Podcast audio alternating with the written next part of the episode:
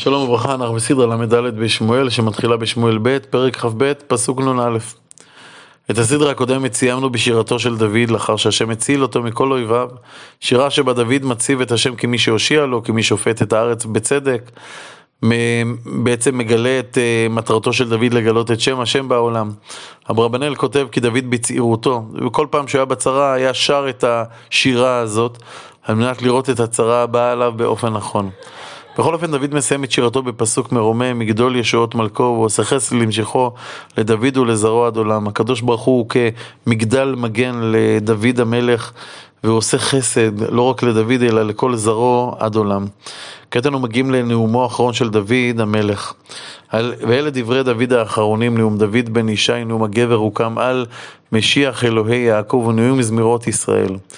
דוד מציין שדבריו נאמרו על ידי הנבואה שפיעמה בו. הוא חש איך הקדוש ברוך הוא מדבר אה, איתו בשיח אישי. רוח אדוני דיבר בי ומילתו הלשוני אמר אלוהי ישראל לי דיבר צור ישראל. מושל באדם צדיק מושל יראת אלוהים. רש"י מסביר שמושל באדם זה מי שרוצה להיות מושל בישראל הוא חייב להיות צדיק מושל יראת אלוקים. מלכותו של המלך הדבר באלוקות תהיה מלכות בהירה כאור הבוקר, וכאור בוקר יזרח שמש. בוקר לא אבות, מנוגה, ממטר, דשא, מארץ. אבל מלכות של מלך צדיק יכולה להיעלם אם הוא יחטא או אם אה, בניו לא ילכו בדרכו.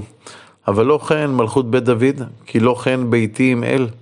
כלומר, כאן דוד מזכיר שהקדוש ברוך הוא הבטיח לו שמלכותו תהיה מלכות נצח, כי ברית עולם שם לי ארוחה בחול ושמורה, כי כל אישי וכל חפץ כי לא יצמיח.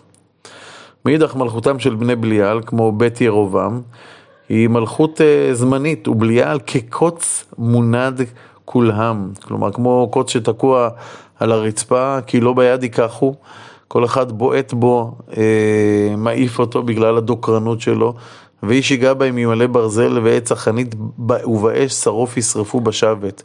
כלומר, פעמים את מלכות הרשעים הקדוש ברוך הוא יוריד באש שתשרוף אותם. כעת אנחנו מגיעים לרשימת הגיבורים של דוד ורשימת המעשים של חלק מהם. ואלה שמות הגיבורים אשר לדוד יושב בשבט תחכמוני, ראש השלישי הוא עדינו העצני. כלומר, ראש הגיבורים הראשון, תכף נראה בשלישייה הראשונה של הגיבורים, זה עדינו העצני. חז"ל אומרים שזה מתאר פה את דוד עצמו. בכל אופן, על, של, על 800 חלל בפעם אחת, עדינו הרג 800 אה, אה, לוחמי אויב בקרב אחד. אחריו, מהשלישייה, הייתה, היה אלעזר בן דודו בן אחוכי. ואחריו אלעזר בן דודו בן אחוכי בשלושה הגיבורים עם דוד בחורפם בפלישתים, נאספו שם למלחמה ויעלו איש ישראל. יש פה תיאור של מלחמה שלא נמצאת בסיפורי דוד. ובאותה מלחמה אלעזר בן דודו הוקם ויח בפלישתים עד כי יגעה ידו ותדבק ידו אל החרב ויעש אדוני תשועה גדולה ביום ההוא. כלומר, מרוב שהוא היכה בחרב נדמה היה שהיד שלו דבקה לתוך החרב, הוא לא יכול לפתוח את היד. אה, הוא נלחם לבד, העם לא עזר לו בקרב אלא רק בא אחר כך לפשט ולבזוז. והעם ישוב, ישובו אחריו אך לפשט. השלישי באותה שלישייה היה שמע. ואחריו שמע בנהגי ההררי. ויאספו פלישתים לחיה, כלומר גדוד של פלישתים הגיע, ותהי שם חלקת השדה מלאה עדשים, והעם נס מפני פלישתים.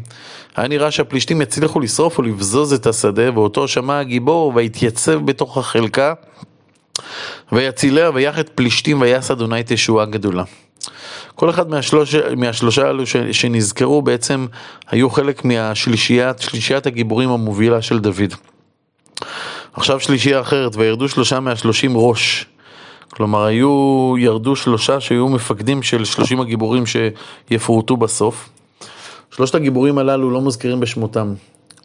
ויבואו אל קציר, אל קציר אל דוד אל מערת הדולם, וחיית פלישתים חונה בעמק רפאים, ודוד אז במצודה. כלומר, המרכז, מרכז הכוח של הפלישתים היה בעמק רפאים סמוך לעיר דוד, דוד היה במצודת דוד. ומצב פלישתים היה אז בבית אה, לחם. כלומר, אמנם המחנה הגדול היה בעמק רפאים, אבל השרים וחלק מהחיל היה גם בבית לחם. ויתאבא דוד ויאמר מי ישקני מים מבור בית לחם אשר בשער. דוד מתאבל למים של אה, עיר ילדותו, ושלושה גיבורים קופצים ורוצים למלא את רצון המלך. ויבקעו שלושת הגיבורים במחנה פלישתים וישאבו מים מבור בית לחם אשר בשער. ויסיעו ויבואו אל דוד. כלומר, הם עשו את המעשה המטורף הזה, להיכנס ממש אל תוך המחנה הפלישתי כדי לשאוב מים למלך. אבל דוד מרגיש שהסכנה הזאת, שאליה נכנסו המסירות נפש של הגיבורים האלה, היא לא מאפשרת לשתות את המים האלה כמים רגילים, ולא אהבה לשתותם, אלא ויסך אותם לאדוני. ויאמר חלילה לי אדוני מעשותי זאת, הדם אנשים ההולכים בנפשותם, ולא אהבה לשתותם, אלה עשו שלושת הגיבורים. כלומר, דוד המלך מרגיש שמסירות הנפש הזאת לא ראוי לשתות איתם, אלא ראוי להסיח אותם אה, קורבן להשם. לקחת את מסירות הנפש הזאת ולהפנות אותה אל הקדוש ברוך הוא. ואבישי אחי יואב בן צוריה הוא ראש השלושה, כלומר המפקד של שלושת הלוחמים הללו, והוא עורר את חניתו על שלוש מאות חלל ולא שם בשלושה. מן השלושה הכי נכבד ויהי להם לשר, כלומר הוא היה שר של שלושת הגיבורים הללו, ועד השלושה לא בא, אבל הוא לא היה ברמתם של שלושת הגיבורים הראשונים. ובניה בן יהוידע בן איש חיל רב פעלים מקבצאל, הוא היכה את שני הראיל, אה, שני הראיל, הראל אה, מואב, כלומר הוא היכה שני שרי מואב, הוא ירד והיכה את הארי בתוך הבור ביום השלג, זה הגבורה השנייה שלו, והוא היכה את איש מצרי, איש מראה, כלומר איש מצרי בעל מראה מפחיד, וביד החנית חנית, ולבניה לא היה חנית, היה לו רק שבט, כמו סכין קטנה, וירד אליו בשבת ויגזול את החנית מיד המצרי ויהרגהו בחניתו. אלה עשה בניהו בן יהודה ולא שם בשלושה גיבורים, מן השלושים נכבד ולשלושה לא בא. כלומר, הוא היה אה, כמובן הכי נכבד מהשלושים אה, הגיבורים, אבל, אה, אבל הוא לא הגיע לרמתם של שלושת הגיבורים הראשונים. ושימהו דוד אל משמעתו. כעת של... השמות של שלושים הגיבורים, אני אומר אותם מהר, אז יהיה לי בטוח טעויות. מי שרוצה, שמות לילדים שלו, הרבה שמות של בנים. עשה אל אחי יואב בשלושים, אלחנן בן דודו בית לחם, שמע חרודי, אליקה חרודי, חלץ הפלטי, עירה בן עיקש התקועי, אבי עזר האנטותי, מבוני החושתי, צלמון האחוכי, מערי. הנטופתי, חלב בן בענה נטופתי, איתי, בן ריבי מגבעת בני בנימין, בניהו הפרעוטוני, הידי מנחלי געש, אבי עלבון הערבתי, אז מוות הברחומי. אל יחבא השאל בוני בני ישן יהונתן, שמע אריח ים בן שרה הררי, אליפלת בן אחא סבאי, בן המאחה, אליאם בן אחיתופל הגילוני, חצרה הכרמלי, פערי הערבים.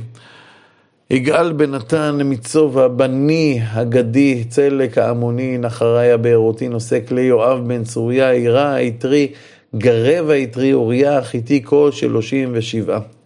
כלומר, סך הכל היו שלושים ושבעה גיבורים לדוד, כאן נכתבו שלושים, יש את, את עשאל, עדינו, אלעזר ושמע, כלומר בסך הכל שלושים וארבעה, ועוד את שלושת הגיבורים שהלכו לבית לחם לשאוב מים לדוד. הגיבורים הללו לא כוללים את יואב בן צרויה שראש הצבא היה מעל כולם, ולא יודע בן יהוידע שדוד מנע ממנו הרבה פעמים לצאת לקרב, כי הוא גם שימש ככהן. ויוסף אף אדוני לחרות בישראל. אנחנו מגיעים עכשיו לפרשייה האחרונה. הקדוש ברוך הוא כועס על ישראל, רש"י כותב לא ידעתי על מה. בהמשך נראה הסבר לכך. מכל מקום, בשל חרון האף הזה על ישראל, השם מסית את דוד לדבר עבירה. כלומר לספור את ישראל, למנות את ישראל. ויעשת את דוד בהם לאמור, הולך מנה את ישראל ואת יהודה. ויאמר המלך אל יואב, שר החיל אשר איתו, שוט נא בכל שבטי ישראל מדן ועד באר שבע, ופיקדו את העם, וידעתי את מספר העם. יואב יודע שלמנות את ישראל זה מעשה חטא, הוא מנסה לשכנע את דוד לרדת מזה. ויאמר יואב אל המלך, ויוסף אדוני אלוהיך את העם, אל העם כהם וכהם מאה פעמים, ועיני אדוני המלך רואות. יש ברוך השם המון המון מישראל, למה צריך לספור אותם? ואדוני המלך, למה חפץ בדבר הזה? זה מניין שהוא לא לצורך והוא נאסר. ספירת הנשים היא ביטוי לאדנות. הקדוש ברוך הוא מונה את ישראל, יש בזה ביטוי שהוא אדוננו ואנחנו עמו. הרבה מלכים אגב חשבו שהעם זה אוסף של נתינים שקיים כדי לשרת אותם, אבל כנגד זה יוצאת התורה ואוסרת את המניין. דוד לא היה נופל בזה, אבל הקדוש ברוך הוא מסית אותו לכך. בהמשך ננסה להבין מדוע. כמו שאמרנו קודם, יואב מנסה להניע, להניע את ישראל, את אה, דוד מכך, אבל זה לא עוזר ודוד מתעקש. ויחזק דבר המלך אל יואב ועל שרי החיל, ויצא יואב ושרי החיל לפני המלך לפקוד את העם, את ישראל. כעת, כעת יש תיאור כיצד הם הולכים לספור את כולם. ויעברו את הירדן ויחנו בערוער ימין העיר אשר בתוך הנחל הגד ואל יעזר. ויבוא הגלעדה ואל ארץ תחתים אה, חודשי, ויבוא דנה יען ובסביב אל צידון, ויבוא מבצר צור וכל ערי החיבי והכנעני, ויצאו אל נגב יהודה באר שבע, וישוטו בכל הארץ ויבואו מקצה תשעה חודשים ועשרים יום ירושלים. זה הזמן שלקח להם למנות את כל ישראל תשעה חודשים ועשרים יום. ויתן יואב את מספר מפקד העם אל המלך, ותהי ישראל שמונה מאות אלף איש חיל שולף חרב, ואיש יהודה חמש מאות אלף איש. וילך לב דוד אותו אחרי כן ספר את העם. כלומר, מיד אחרי שדוד סופר את ישראל, נופל, נופלת עליו התובנה שהוא עשה מעשה חטא, ודוד מבקש מהקדוש ברוך הוא דרך תשובה. ויאמר דוד אל אדוני, חטאתי מאוד אשר עשיתי. חטאתי מאוד זה הגדרה מאוד חריגה. דוד מרגיש שהחטא כאן הוא, הוא נוגע בעצם מהות המלוכה שלו על ישראל. ודוד ממשיך. ואתה אדוני יעבר נא את עוון עבדך כי נסכלתי מאוד, עשיתי שטות. ויקום דוד בבוקר ודבר אדוני היה אל גד הנביא חוזה דוד לאמור. הלוך ודיברת אל דוד. כה אמר אדוני, שלוש אנוכי נוטל עליך, בחר לך אחת מהם ואעשה לך. כלומר, הקדוש ברוך הוא מתגלה לגד ושולח אותו אה, לומר לדוד שיש לו שלוש אפשרויות לעונש, תבחר איזה מהם שאתה רוצה. ויבוא גד אל דוד ויגד לו. האפשרות הראשונה, ויאמר לו תבוא לך שבע שני, שני שנים רעב בארצך. אפשרות השנייה, עם שלושה חודשים נוסחה לפני צריך והוא רודפך. אפשרות השלישית, עם היות שלושת ימים דבר בארצך. ואתה דע וראמה אשיב שולחי דבר. כלומר, או שבע שנות רעב, שלושה חודשים של תבוסה בקרב, או שלושה ימים של דבר, מגפה קטלנית ביותר. מה אתם הייתם בוחרים? אגב, זה משונה, כי מעולם לא היה דבר כזה שהשם נותן לאדם לבחור את העונש לחטאו. חייבים לומר שהבחירה פה של דוד, באיזה עונש הוא בוחר, זה חלק מהתשובה שלו. ויאמר דוד אל גד צר לי מאוד, נפלה נא בעד אדוני כי רבים רחמיו וביד אדם על אפולה. דוד מוריד את האפשרות של נישא בפני האויבים, לא רוצה ליפול ביד אנשים, גם הוא דוחה את האפשרות של הרעב, שהרי אז העשירים יהיו כאלה שכוח ההישרדות שלהם יהיה בידם. דוד רוצה לנפול ביד השם, שבידו חסד, לא ביד אדם. רש"י מסביר שדוד לא רצה שהעונש יגיע ממכת החרב של האויבים, כי אז בית המלוכה יהיו הרבה יותר מוגנים מהעם הפשוט, שהרי הם מוגנים בחילות נאמנים. גם ברעב הוא לא רצה לבחור, כי העשירים, בטח אה, בית דוד וביתו, פחות ינזקו מזה, רוב המוות יפגע באנשים הפשוטים. דוד לא רצה שיגיע עונש שבו הוא יהיה מוגן יותר מהאזרח הפשוט שבעם. אה, ולכן דוד בוחר במגפה שפוגעת בכל אדם בלי הבדל של מעמד. מגפה הזאת, דוד חשוף כמו כל אחד מישראל. אם חטא המניין מבטא מחשבה שהמלך הוא מעל העם, הבחירה של דוד מלמדת כי דוד רואה את עצמו כאחד מהעם, שנבחר על ידי השם להוביל, אבל מצד האמת הוא חש עבד קדוש לעם קדוש. וזה בעצם חלק מהתיקון של דוד. ויתן אדוני דבר בישראל מהבוקר עד עת מועד. וימות מנעם דידן ועד באר שבע שבע ושבעים אלף איש. תוך שלושה ימים שבעים ושבעה אלף איש מתים בדבר. וכעת מגיע תור ירושלים להיפגע במגפה הנוראה. וישלח ידו המלאך ירושלים לשחתה. אולם כשהמלאך המשחית מגיע לירושלים, השם מחליט לרחם. וינחם אדוני אל הרעה, ויאמר למלאך המשחית בעם, רב אתה, הרף ידיך. ומלאך אדוני היה עם גורן ארוונה יבוסי. כלומר, כאשר ההוראה להפסיק את המגפה ירדה לעולם, המלאך המשחית היה בגורן ארוונה יבוסי. גורן ארוונה יבוסי היה להר שמעל ירושלים. שהיו, שהיום אנחנו מכירים אותו כהר הבית, מקום המקדש. כעת הנביא מתאר בדיוק כיצד היה התהליך שבו השם סלח וביטל את הגזרה. ויאמר דוד אל אדוני בראותו את המלאך המכה בעם, ויאמר הנה אנוכי חטאתי, ואנוכי הבאתי, ואלה הצאן מה עשו? תהינה ידך בי ובבית אבי. דוד מתחנן שהשם יכה בו ובמשפחתו ולא בישראל, שהרי החטא היה שלו. קודם אמרנו שדוד חש כחלק מהעם, כאן הוא עולה קומה, הוא מרגיש אחראי, מוכן בשם כך למסור את נפשו על מנת להציל את העם. המלבי מביא בשם חז"ל על הפסוק ויאמר דוד אל השם בראותו את המלאך המכה בעם שדוד ראה את אפרו של יצחק. כלומר דוד ראה את מסירות הנפש של אברהם ויצחק שנתנה לאברהם את היכולת לראות את המקום מרחוק. אותה מסירות נפש נזרקה בדוד ועל כן בעוד רגע גם הוא יגלה את גדולתו של גורן ארוונה היבוסי. ויבוא גד אל דוד ביום ההוא, ויאמר לו עלה הקם לאדוני מזבח בגורן, בגורן ארוונה היבוסי. המקום הזה מתגלה כאן כשורש החסד בעולם. המקום שדרכו יש לעלות עולות להשם, להוריד לעולם את הסליחה האלוקית, ודוד הולך לבקש מארוונה היבוסי לקנות ממנו את הגורן.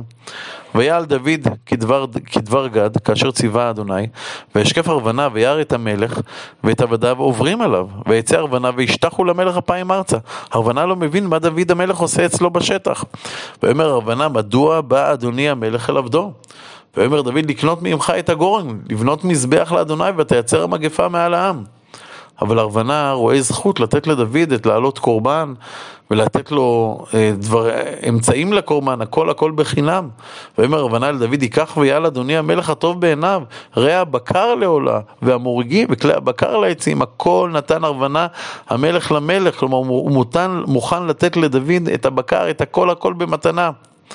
ויאמר ארוונה אל המלך אדוני אלוהיך ירצך.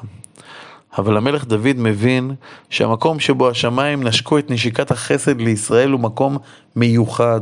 הוא לא רוצה לקבל אותו במתנה, הוא רוצה לקנות אותו בכסף מלא, כמו שאברהם אבינו התעקש לקנות את מערת המכפלה בכסף מלא. ויאמר המלך אל ארוונה, לא, כי קנו אקנה מאותך במחיר, ולא אעלה לאדוני אלוהי עולות חינם. ויהי כן דוד את הגורן ואת הבקר בכסף שקלים חמישים. ויבן שם דוד מזבח לאדוני והיה על עולות ושלמים. ויעתר אדוני לארץ ותעצר המגפה מעל ישראל. דוד רוכש את הר הבית בחמישים כסף שקלים. דברי הימים נאמר שזה היה בשש מאות שקלי כסף. חז"ל השוו את זה באומרם שזה היה חמישים שקלים מכל שבט. שהרי דוד לא קונה את המקום, אלא כלל ישראל קונה אותו. ועל כן חמישים שקלים מכל שבט, זה מכל 12 משבטי ישראל עולים לסך 600 שקלי כסף. ספר שמואל מסיים בחטא של דוד, אבל גם בתשובה שלו, במסירות שלו כלפי ישראל. בפנותו להשם, הנה אנוכי חטאתי, אנוכי הבאתי, ואלה הצאן מה עשו, תהינה ידך בי ובבית אבי. זו מסירות נפש מדהימה. הספר מסתיים גם בגילוי השם, את אותו מקום שבו גם אם יש מלאך שמשחית, אה, ההשחתה הזאת מכופרת באותו קורבן כפרה שמוקרב באותו מקום. אותו מקום שבו הקריב האדם הראשון את קורבנו אחר חטאו, אברהם אבינו העלה בו את יצחק בנו לקורבן, והשם גילה לדוד את אותו מקום, שמאותו זמן והלאה יהיה מפתח הגדול לגילוי השכינה האלוקית על העולם כולו, הר הבית ואבן השתייה. נסיים רק בדברי הרד"ק האחרונים לספר שמואל. הרד"ק מנסה להסביר מדוע נפלו כל כך הרבה אנשים מישראל באותה מגפה נוראה. והוא כותב, כל האלפים האלה שנפלו בימי דוד לא נפלו אלא על ידי זה, על ידי שלא טבעו בית המקדש.